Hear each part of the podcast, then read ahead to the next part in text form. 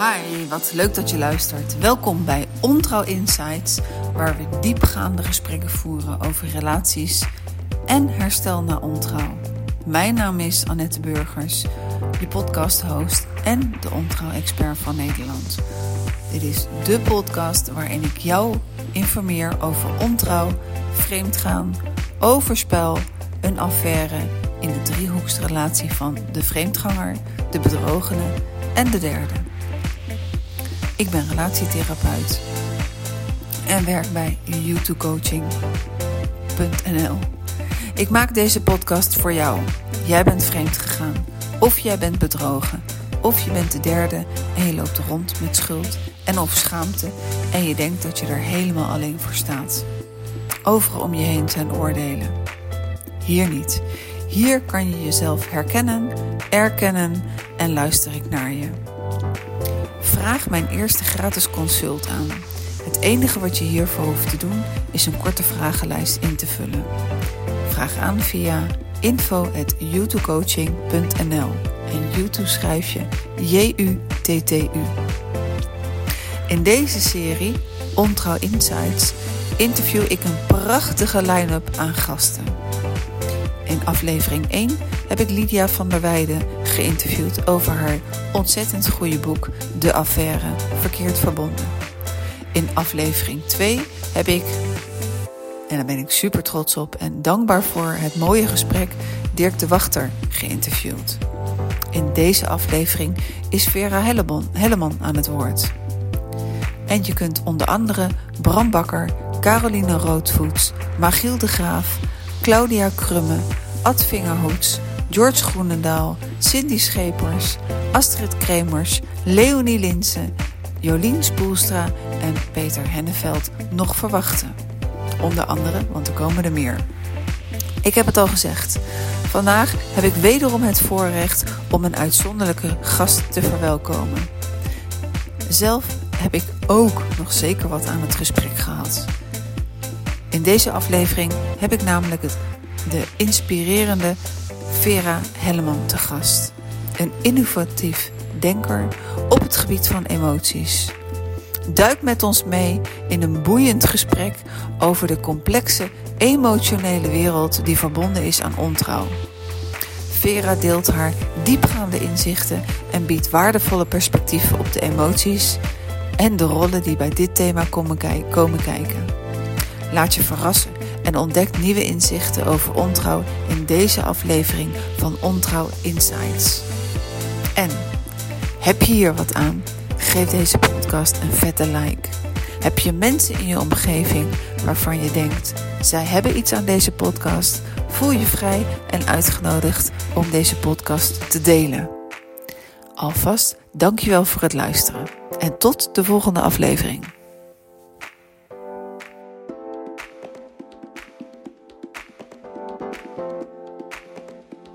Vreemd gaan? Nooit. Ik niet. Dat weet ik zeker. Dit zijn de woorden van Nina, gelukkig getrouwd met Thijs. Toch loopt het anders. Lees het in De Affaire, verkeerd verbonden, van schrijfster Lydia van der Weijden. Waarschuwing. Als je erin begint, kun je niet meer stoppen.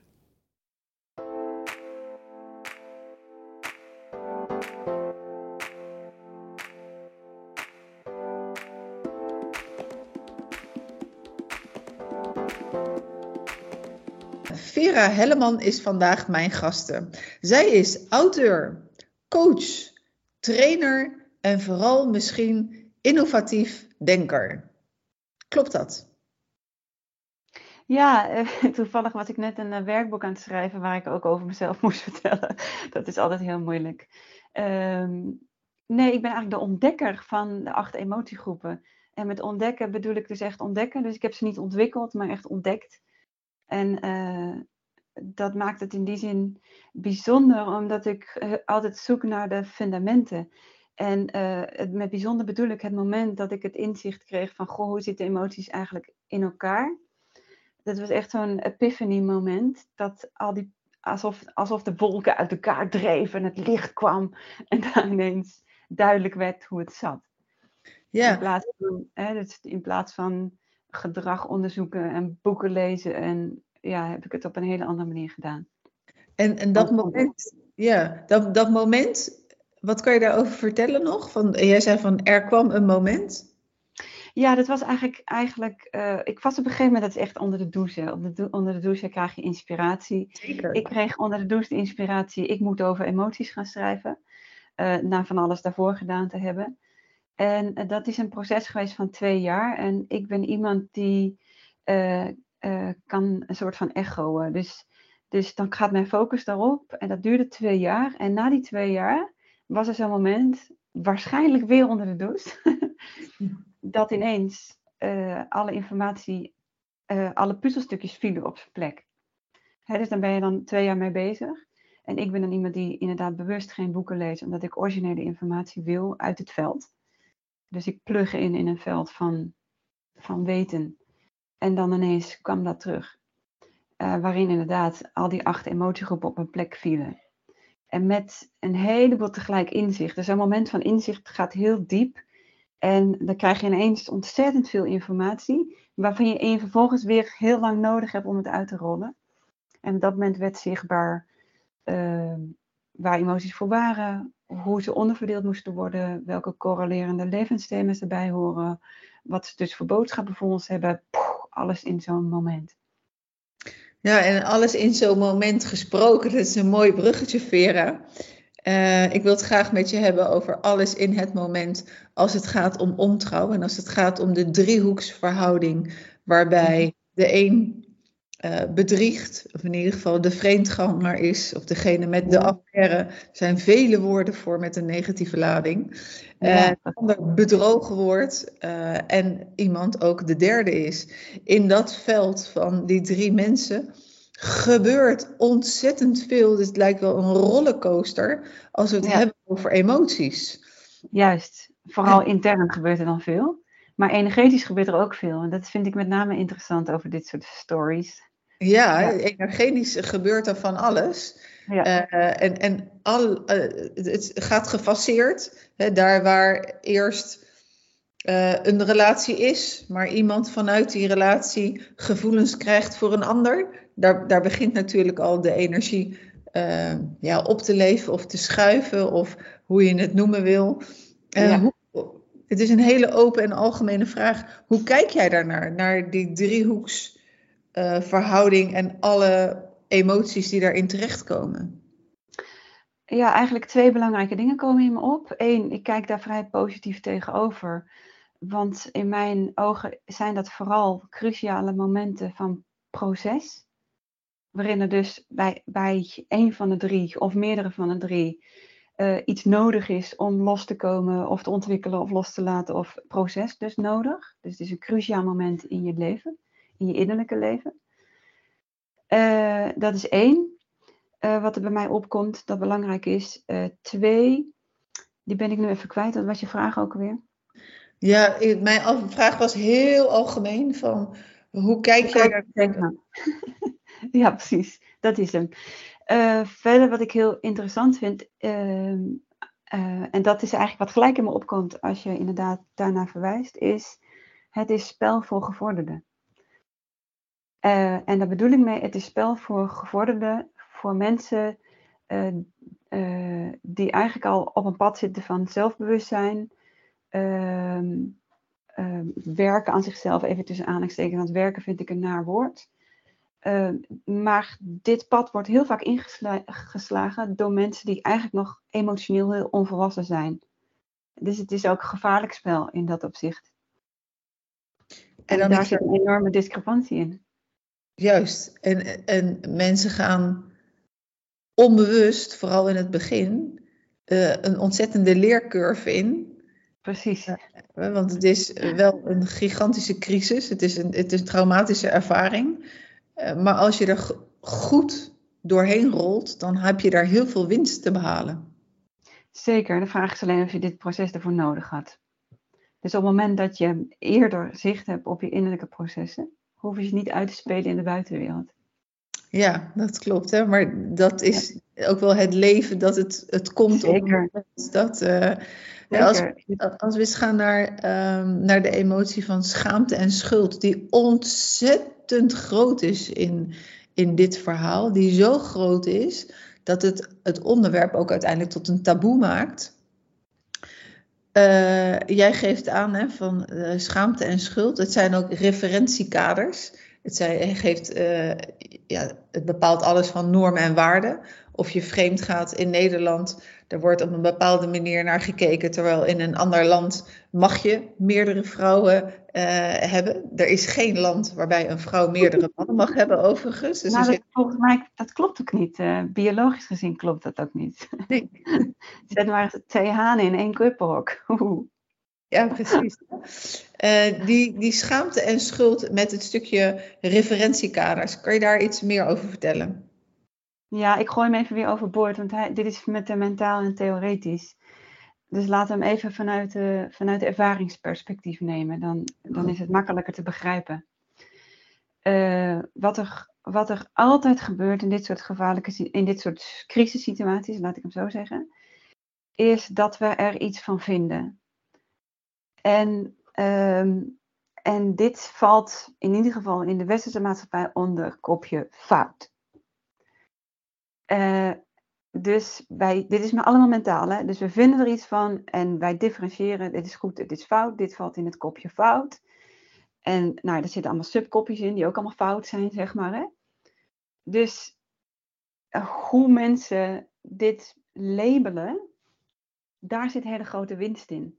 Als wij het alleen maar als fout labelen, als help, uh, dit gebeurt mij, help, ik ga dat verliezen, help, dat betekent dat ik niks meer waard ben, help, dat betekent dat hij, bla bla bla bla, en zij en het vingerwijzen, het oordelen, het, dat is waar inderdaad die emotiegroep schuldschaamt over gaat. Um, alles wat jij bestempelt met fout, daar krijg je ook nare emoties van. Betekent natuurlijk niet dat je het als goed moet bestempelen, want er zit een groot verschil tussen uh, jezelf iets vertellen of het daadwerkelijk ook geloven. Want als je, als je iets gelooft dat fout is en je probeert jezelf te vertellen dat het goed is, nou dat werkt natuurlijk niet en dan ga je je eigen gevoel negeren. Maar op het moment dat jij een negatief gevoel krijgt, uh, omdat er allerlei, uh, en ik hoor hier ook heel veel angsten in, hè? dus het is angst en schuldschaamte dus oordeel en angst, die vieren hoogtij, ja, die geven allemaal ook negatieve feedback. Waar je natuurlijk niet overheen moet stappen. Uh, maar als je beter gaat zien wat daar voor een eigen labels op zitten, heb je wel ook de sleutel in de handen om daar iets milder naar te kijken. Uh, en voor jezelf goed af te wegen wat is het verschil tussen de verbinding die ik met deze persoon of personen voel en wat is de manier waarop ik uh, met deze relatie om wil gaan.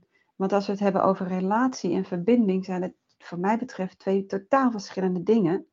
Verbinding is een energetisch stuk en relatie, daar zitten al die ongeschreven regels op. dus wat hier gebeurt is, er gebeurt iets in de relatie. En alles wat wij vonden over een relatie en differentieerden als goed en fout, daar komen al die scheurtjes in. Terwijl misschien de verbinding nog wel heel goed was. Of, en die is ook interessant, dit gebeurt omdat die verbinding er niet meer was. En dan kunnen we onszelf gek maken met allemaal mag niet, hoort niet, had anders. Terwijl eigenlijk die relatie al op zijn einde was omdat die verbinding er niet meer was. En, en tussen die, in die range, nou dit is een enorme range, daar speelt het zich af een hele interessante range. Hè? het kan dan ook nog zijn dat de verbinding er niet meer was, uh, de ontrouw plaatsvindt en ineens de behoefte naar de verbinding en de angst van, oh jee, straks raken we elkaar kwijt, dat, dat weer alles op zijn kop uh, gezet wordt en, en naarstig gezocht naar het stuk verbinding. Precies, wat een positieve uit, uitkomst kan hebben. Zeker. Waar natuurlijk ook weer een trigger in zit uh, mis ik de verbinding met hem of, of haar, of mis ik de verbinding in het algemeen?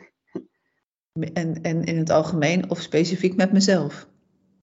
Die komt er altijd bij. Want als het over verbinding gaat, dan gaat het altijd over verbinding met onszelf. Zonder verbinding met onszelf kunnen we niet met een ander verbinden. Dat is emotie op liefde. Ja, dus, het, het, is best uh, uh, hogere wiskunde, zoals jij zegt. Uh, voor gevorderden. Een hele mooie uitdrukking, ben ik het helemaal mee eens. dus de schaamte en de schuldgevoelens kunnen heel heftig zijn. Kunnen ook het proces ontzettend beïnvloeden. He, soms als ik vraag aan mensen die het hebben over ik voel me zo schuldig, dan vraag ik wel hoeveel kilo schuld draag je dan bij je? En dan is dat soms echt wel meer dan 20 kilo. Het kan ook meer ja. zijn. En het interessante van dit onderwerp is dat het heel erg specifiek over inhoud gaat. Niet meer over proces, zeg maar. En inhoud, uh, dat zijn die hele kleine en grotere regeltjes die wij erop loslaten. En wat mij betreft zijn, is dat heel giftig. Als je in basis, in basis is vrijheid, betekent de volledige acceptatie van jezelf en al je projecties. Alles waar je daarop goeds en fouts en regels gaat leggen, die kunnen je nare gevoelens geven. Uh, en toch is het voor ons fijn om een kader te hebben om binnen te leven. dus dat, dat, is de, dat is de padstelling waar je dan vaak in zit. En ook het onderzoek in, in tussen welke kaders wil ik mijn relatie vormgeven. Want dat betekent ook, uh, ja, dat, dat betekent niet volledige vrijheid. Dus de vrijheidszoekers, die hebben hier achter hun oren te, te krabben en ook een stuk menselijkheid te accepteren.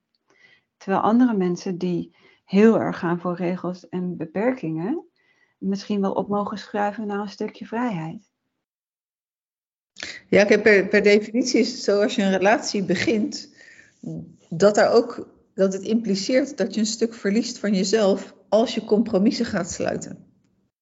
Ja, dus moet je een, een partner vinden waar je zo min mogelijk compromissen hoeft te sluiten. Ja. dat zou ik doen. Ja, zeker, zeker. En die, die kom ik tegen in mijn praktijk. dus uh, een, een, dame heeft een, heeft een partner die om zijn moverende redenen niet meer in staat is om die seksuele relatie te voeden. En mhm. hij geeft haar volledige vrijheid van, nou, zoek het buiten de deur. En dan ook dan is het weer van, oh, dit is een nieuw verhaal. Hoe ga ik dat doen? En, en waar, uh, waar is het van mij? Waar is het van hem? Uh, welke vrijheid heb ik? En um, ja, heel interessant is dat. Dit vind ik een hele interessante casus. Dat heb je bijvoorbeeld bij mensen die fysieke uh, of ziekte of en dat, dat voelt dan heel liefdevol, hè? maar je haalt er wel een derde energie bij. Klopt. En dus alles wat daar in die verbinding gebeurt, dat heeft ook effect op jou. Ja, en dan wordt het echt gevorderde spel. Ja, ja hoe ga je daarmee Dus de vraag is, wat, wat is belangrijker? Uh, de relatie en de verbinding of je seksuele behoeften? Ja. Nou, dat, dat is ook een vraagstuk, zeg. Ja, zeker. Het is voor iedereen om dan ook om uh, zelf mee aan de slag te gaan. Uh, in, het, uh, in, in, in, in die driehoek is er, is er sowieso veel liefde. Uh, maar komt er uiteindelijk, als alle kaarten op tafel liggen, komt er ook veel boosheid en onmacht en angst. Ja. Ik vraag me ook af of het, of het uh, wat een interessante vraag is op het moment dat je, dat je zelf, uh, ja, hoe zullen we het noemen, vreemd gaat. Zo'n gek woord, hè? Ja. Onthaal vind ik ook niet kloppen. buiten de deur zoekt. Buiten de deur zoekt. Nou, dat, dat is misschien wel een beetje neutrale uh, is om echt goed te onderzoeken wat zoek ik. En als ik diegene heb gevonden waarmee dat dus klikt, op welk niveau klikt het? He, dus is dit, een, is dit een, een seksuele interactie? Is dit een mentale interactie? Is dit een interactie met iemand die mij weer herinnert wie ik werkelijk ben? En weer terug op het pad naar mezelf brengt? Um, is dit degene die ik altijd zocht, omdat het daarop was? Hele interessante vraagstukken. Ja. Ja, ja en eh, vaak kom je ook weer nieuwe dingen van jezelf tegen uh, in zo'n nieuwe relatie. En is, is dat ook wat, uh, ja, wat je weer energie geeft? Uh, en die energie neem je mee in alle andere aspecten van je leven. Maar wanneer, dat is sowieso een vraag die iedereen. Ik ben in mijn leven ook vreemd gegaan, daar ben ik wel open ook over geweest. dat is sowieso een vraag die je jezelf te stellen hebt. wat, wat maakt? Is het een leegte in mezelf? Is het een ontevredenheid ten aanzien van de relatie? En waarom bespreek ik dat niet binnen mijn relatie? Mm -hmm. Ehm, maar als het dan uitkomt, dan, dan kom je in dat krachtenveld van eh, de negatieve emoties, waarvan jij zegt, hè, elke negatieve emotie heeft ook een positieve boodschap. Uh, ja, in die zin. Uh, als je het dan hebt over de oordelen en de is allemaal fout, mag niet, hoort niet, had anders, zit daar een stukje bevrijding in naar jezelf. Omdat hoe strakker je jezelf aan regels legt, hoe minder ruimte je zelf hebt. Mm-hmm. Dus in die zin, uh, dit is een one-liner quote, maar er zit natuurlijk een heel verhaal achter. in die zin eh, kan het naar een stukje bevrijding leiden. Ja. Ja, op de diepste, op de diepere lagen uiteindelijk. Zeker, zeker. Maar goed, we hebben eigenlijk wat casussen nodig om het te verduidelijken. Ja, nou, ik, ik kan je een, een, uh, een casus geven. Uh, dat uh, in dit geval is de man vreemd gegaan. Mm -hmm. En heeft daar ook weken, een paar maanden lang over gelogen. Um, en um, ja, vindt de, de, maakt het de vrouw woedend uh, omdat het zo niet past bij haar kernwaarden. En er nog steeds liefde is, maar zij zo bang is voor herhaling. Wat ja. kan de man garanderen om niet meer precies op haar kwetsbare plek van vroeger, niet goed genoeg zijn, om daar niet meer op, op, op te drukken? Ja, nou, in, in deze vind ik niet dat, uh, dat alleen de man daaraan hoeft te werken. In elke crisis heeft iedereen uh, uh, aandeel, geen schuld, aandeel en uitdaging. Dus ik zou vooral naar de vrouw vertellen: Goh, jij bent aangeraakt in het niet goed genoeg zijn. Hoera, dat is nu heel duidelijk in je bewustzijn gekomen. Dus je kan twee dingen doen. Je kan naar hem wijzen en zeggen: dat mag je nooit meer doen. Of je kan naar binnen kijken om dit te helen. Want op het moment dat jij een, een onaang, ongeheeld stuk hebt van angst om afgewezen te worden, dan is dat wel een energie die naar buiten uitstraalt en dus situaties aantrekt die jou daarin moeten gaan spiegelen. Dus in die zin is daar een aandeel, energetisch onderbewust, onbewust ook aandeel geweest in dat dit überhaupt kon gebeuren. Want dit was de perfecte situatie om een enorme pijn open te maken die nu aan bod is om geheeld te worden. Dat is het positieve ervan.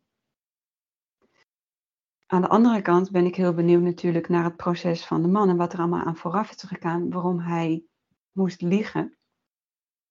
Want die periode is vooral heel interessant voor man. want daarin wordt hij geconfronteerd met een loop van gedachten in zichzelf. En het dan naar buiten komen is dan heel vaak een zwaktebod, omdat hij die loop niet meer aan kan. Waarin je mag afvragen, doe ik dat voor mij dit vertellen of doe ik dit voor mijn partner? Want je het een ander met een probleem als je iets vertelt.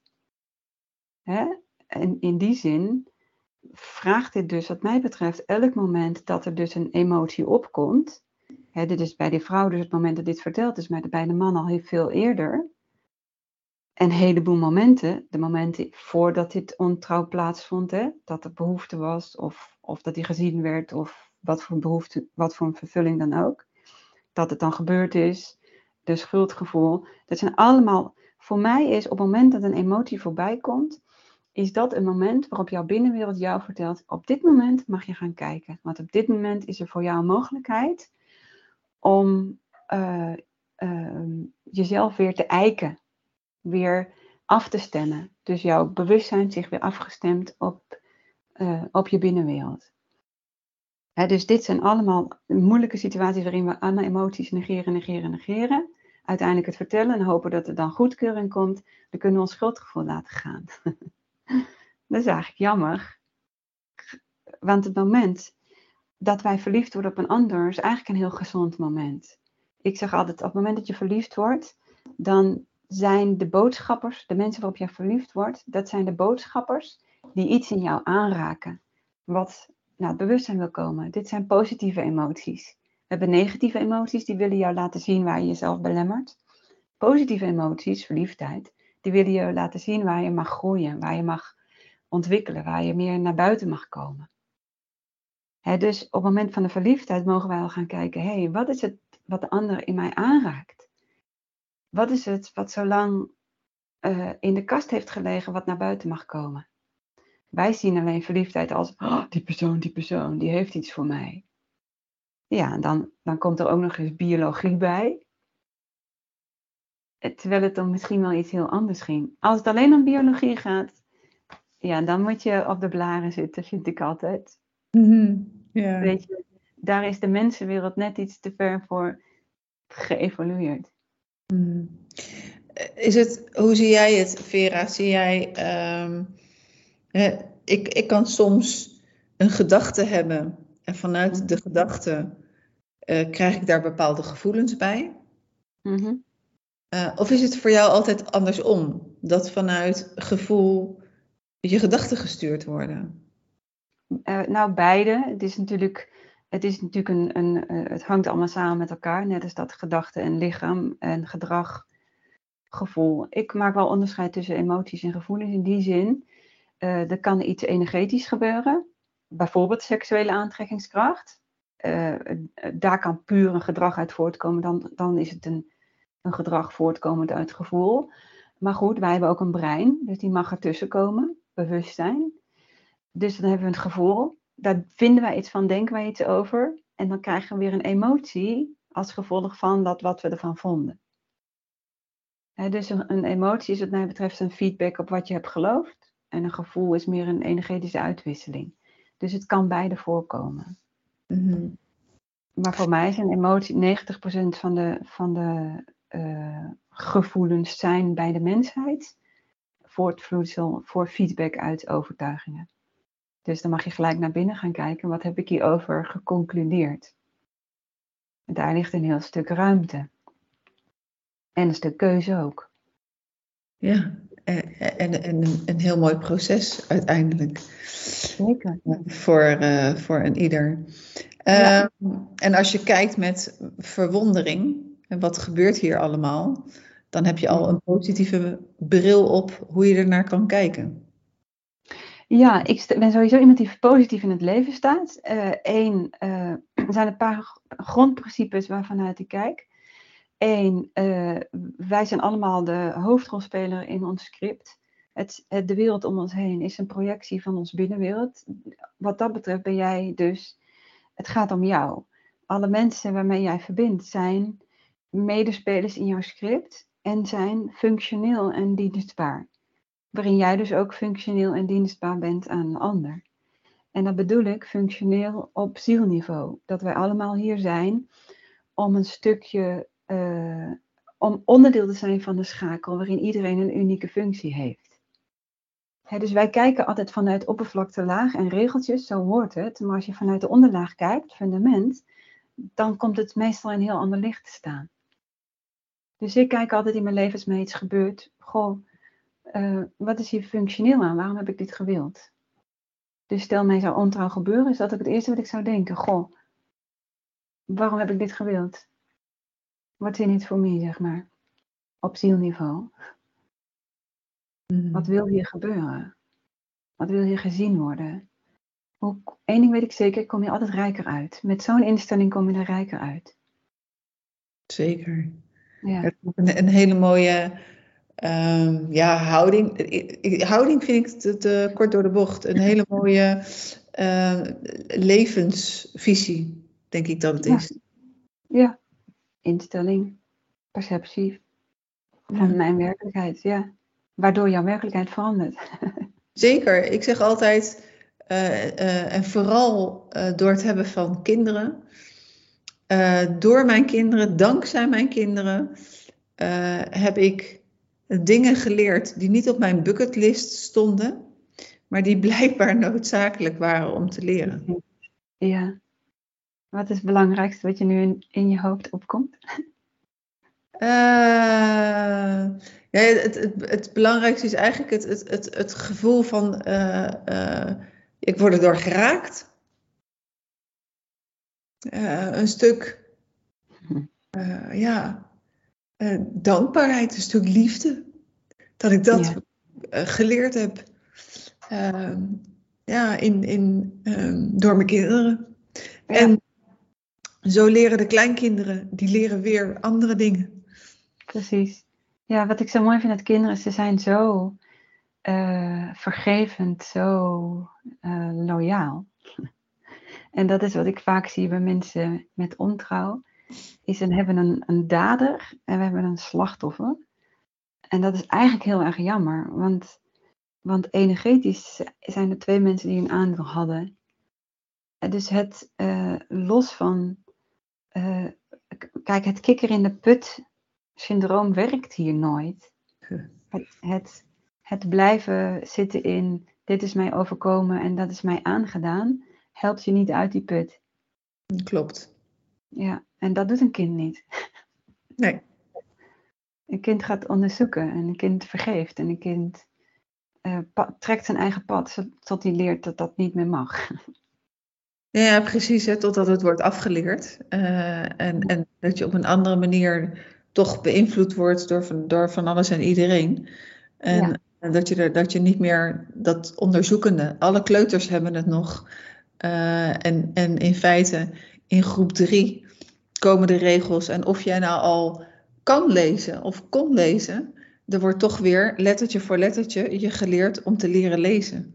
Ja. Het, hele systeem zit dan zo, al, al, al je, er wordt dan niet gekeken, oh jij kan al lezen, nou we, we gaan met jou verder. Gechargeerd, hè? op sommige scholen kan dat wel, op je Montessori systeem, dan is het weer totaal anders.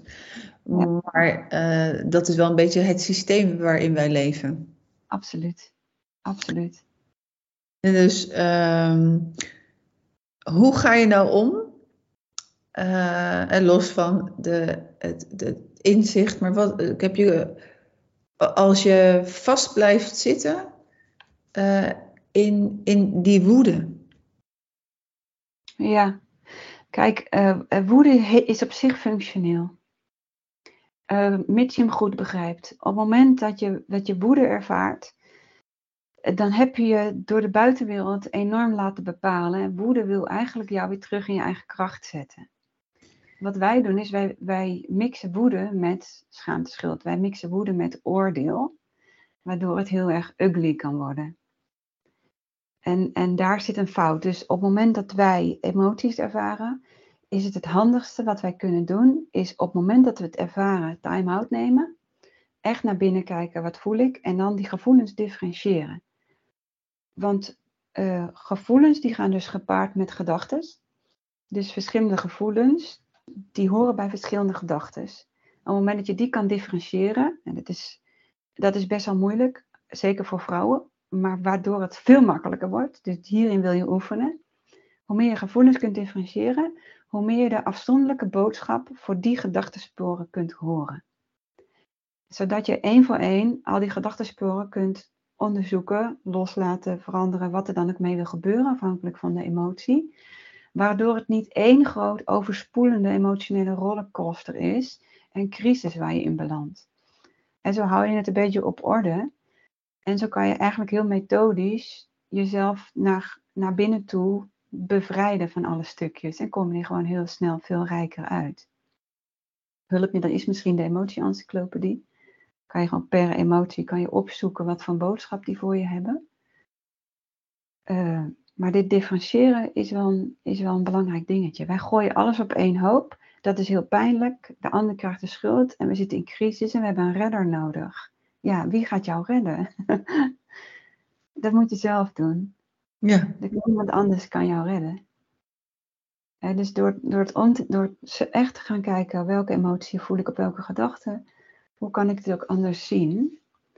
In de eerste plaats, dit gebeurt niet voor niets in mijn leven op dit moment. En ik ga bereid zijn het onderzoek aan te gaan. Op elk moment dat er emoties komen. Ja, en zo is het. Waar vrouwen meer uitdrukken, zijn, zijn mannen meer aan het onderdrukken.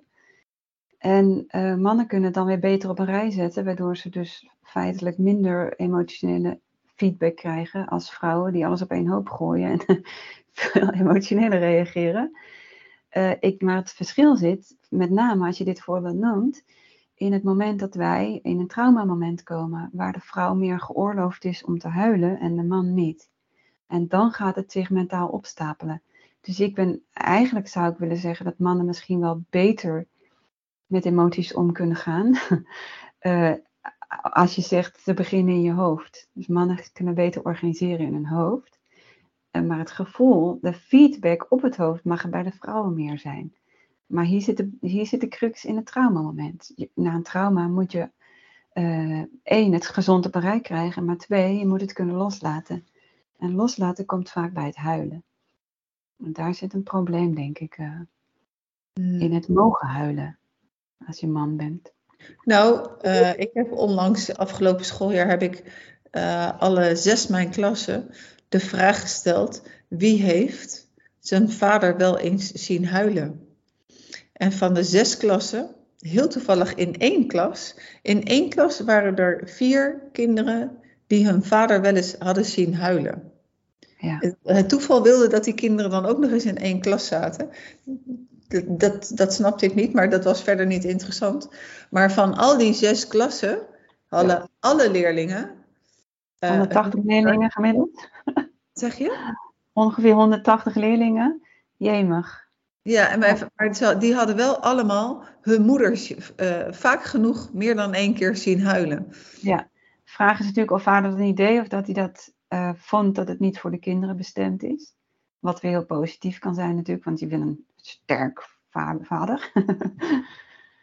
maar uh, ja, en daarbij ook doen ze het misschien op een andere manier. Hè?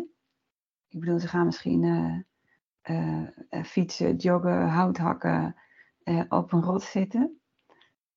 Waar het misschien wel gebeurt. Hè? Dus, dus vrouwen, vrouwen doen het meer in die open. Dus, dus ik zou het ook nog wel interessant vinden om de, om de vaders en de moeders zelf zo'n vraag te stellen. Ja. ja, daarbij, oh, ik werk op een school met meer dan 60 nationaliteiten. Wow, het is, ja. het vooral uh, islamitische uh, leerlingen. Uh, mm. Het is ook interessant, het is ook cultureel, hè, of huilen toegestaan is. Ja, ja. of nee, hoe we omgaan met uh, een begrafenis, dat wordt in, in Zuid-Afrika ook heel anders gedaan dan zoals wij daarmee omgaan. Ja, zo. Interessant zeg, maar vier. Ja, en inderdaad heel cultureel bepaald. Wij kinderen zitten op een vrije school en ik denk dat het daar uh, veel normaler is. ja, ja, en het is. Uh, kijk, je, je eerste leerschool is natuurlijk het gezin van herkomst. Wat, wat is daar aanwezig? Wat is er niet aanwezig? Uh, ja. Heb je bes emotioneel beschikbare ouders? Zijn je ouders niet beschikbaar? Uh, ja, er, er zijn zoveel. Het is best wel moeilijk. Nee, het is best wel moeilijk als ouder. Hè? Want één, wil je, laat, wil je een voorbeeld geven van het is, het is prima om, om uh, emoties te hebben. Aan de andere kant wil je ook voorkomen, uh, wat ik ook wel eens zie bij kinderen en gezinnen, is dat, dat een van de ouders, meestal dan de moeder, zo enorm emotioneel is dat een kind voor die moeder gaat zorgen. En dat is wat je absoluut niet wil. Dus een ouder moet wel de grote blijven en het kind de kleine. Ja. En daarvoor is het natuurlijk wel heel prima om af en toe een traantje weg te pinken en ja, ik ben verdrietig, maar hè, lief dat je aan me denkt, maar het is mijn, mijn uh, struggle, hè. komt goed. Precies. En dat je ook laat zien hoe je weer positief je leven pakt. Zeker, zeker. Ja, dat is van heel belang. Uh, Vera, liefde. Wat is jouw definitie van liefde? Uh, dat is een beetje afhankelijk van de context waarin je die, dat woord plaatst. Want liefde is natuurlijk een enorm groot woord. Uh, als je het hebt over emotiegroep liefde, zou ik je wat anders, anders ver, vertellen als dat je zegt liefde in relaties. Als we het hebben over liefde in relaties, dan hebben die wat mij betreft verschillende niveaus waarop je zou willen kijken. En dat is één, liefde als werkelijk de liefdevolle verbinding en stroming over en weer. En liefde als in persoonlijke hechting. En die zie ik heel vaak met het woord liefde verwarren. Dus de persoonlijke hechting verwarren ze dan met liefde. En dat is wel een tricky one om te gaan verwarren. Want als daar iets in gebeurt, ja, dan is het dus gelijk crisis. En uh, daarin zou je ook over het hoofd zien als een, als een relatie bijvoorbeeld niet meer klopt en losgelaten mag worden, omdat daar die hechting is. Uh, daarbij ook een stukje uh, wat daarop gelet mag worden, is in hoeverre bepaalt die ander jouw identiteit of kan jij zelf autonoom zijn? En die horen allemaal bij dit stukje hechting. Die wij dan weer vermengen met liefde. Ja. Of, of, ook vanuit het denkbeeld, ik wil zo graag helpen, want dan ben ik een goed mens. Uh, dus ik help jou onder mom van, dan voel ik me goed. Ja, dat vind ik ook geen liefde. Voel je wat ik bedoel? Dus, dit zijn, dus als het over liefde gaat, dan zou ik mensen vragen, wat is jouw definitie van liefde? Mijn definitie van liefde is ook echt die, die, die onvoorwaardelijke liefdevolle stroming over en weer. Die zou ik met de hoofdletter liefde wel durven omschrijven. Ja, dat is een hele mooie omschrijving. Ja. Vera, welke vraag heb ik jou nog niet gesteld als het gaat over de driehoeksverhouding en emoties, waar je toch echt nog heel graag antwoord op wil geven? Uh, moet ik heel even over nadenken en voelen, kijken wat er in me opkomt. Uh, dat, wat ik heel belangrijk vind om te zeggen, is dat een situatie van ontrouw niet erger is of minder erger dan welke andere crisis dan ook. Want wij willen dat ook zo graag labelen, zeg maar, waardoor het eigenlijk alleen maar erger wordt voor onszelf. Iedere situatie die ons emotionele kramp geeft, is het op het moment van de emotionele kramp meer dan waard om voor jou onder de loep te nemen met het vraagstuk: wat betekent dit voor mij? En dat bedoel ik niet, wat betekent dit voor mij als in wat er gaat gebeuren in mijn buitenwereld straks als dan? Wat betekent dit op dit moment voor mij? Welke conclusie heb ik ervan gesteld, opgesteld? Welke emotionele feedback krijg ik? En is die conclusie die ik hierover maak wel gezond voor mij? Dat eigenlijk met name. Dus alles mag wat mij betreft gaan over het, het uh, ontwikkelen, het rijpen, uh, van jouw emotionele volwassenheid, van jouw persoonlijke volwassenheid, waarin het in het eerste stuk vooral gaat over het uh, ontdekken wie je werkelijk bent en thuiskomen in jezelf. En daar zit het gros van de mensen nog in, waar ontrouw heel vaak een onderdeel van is. Daarna gaat het over welk aandeel heb ik in het collectief en uh, kan ik mijn roeping gaan doen, gaan zijn. En dat heeft veel meer te maken met de expressie van wie je als ziel bent. Ontrouw, op het moment dat je in dat stadium zit, zie ik amper nog ontrouw. Behalve in een bewuste manier van leven. Maar dan spreek je veel meer over polyamorie. Mm-hmm. Ja. dus, dus voor wie hem kan horen, maar dit stuk is wel voor gevorderden, uh, mag wat mij betreft alles gaan naar het pad terug naar jezelf en werkelijk oprecht jezelf gaan zijn. En dan ga je ook relaties aantrekken die daarop passen, die dus per definitie veel gelukkiger zijn. Nou, hartstikke mooi, dankjewel. Alsjeblieft. Ja. Uh, we gaan richting uh, de, de, de, afronding. Ik wil je ontzettend bedanken voor, uh, om hier online uh, via Teams te zijn. En om jouw uh, licht te laten schijnen over dit, uh, dit onderwerp. Je hebt ontzettend veel mooie dingen gezegd waarvan ik zeker weet dat degenen die luisteren naar deze podcast daar nou, zeker wat mee kunnen. Of ze ja. uiteindelijk iets mee gebeurt. Dat is ook aan ieder hè, voor, voor zich, in, in welke fase iemand zit in een proces. Uh, maar super, dankjewel. Heel graag gedaan. Ja, bedankt om dit thema een keer mogen uitdiepen. Je hebt helemaal tot het einde deze podcast beluisterd. Dank je wel hiervoor. Ik hoop dat je ook de volgende keer weer luistert naar Ontrouw Insights. En wil je zelf mij jouw verhaal vertellen? Neem dan contact met me op. info Ik maak deze podcast om te inspireren, kennis te delen over ontrouw en op mijn manier een stukje taboe omver te helpen. Help je mee? Deel dan deze podcast en als je wilt, vertel me je verhaal. Zoek je begeleiding? Of wil je je eerste gratis consult? Ga dan naar www.youtubecoaching.nl. Tot ziens!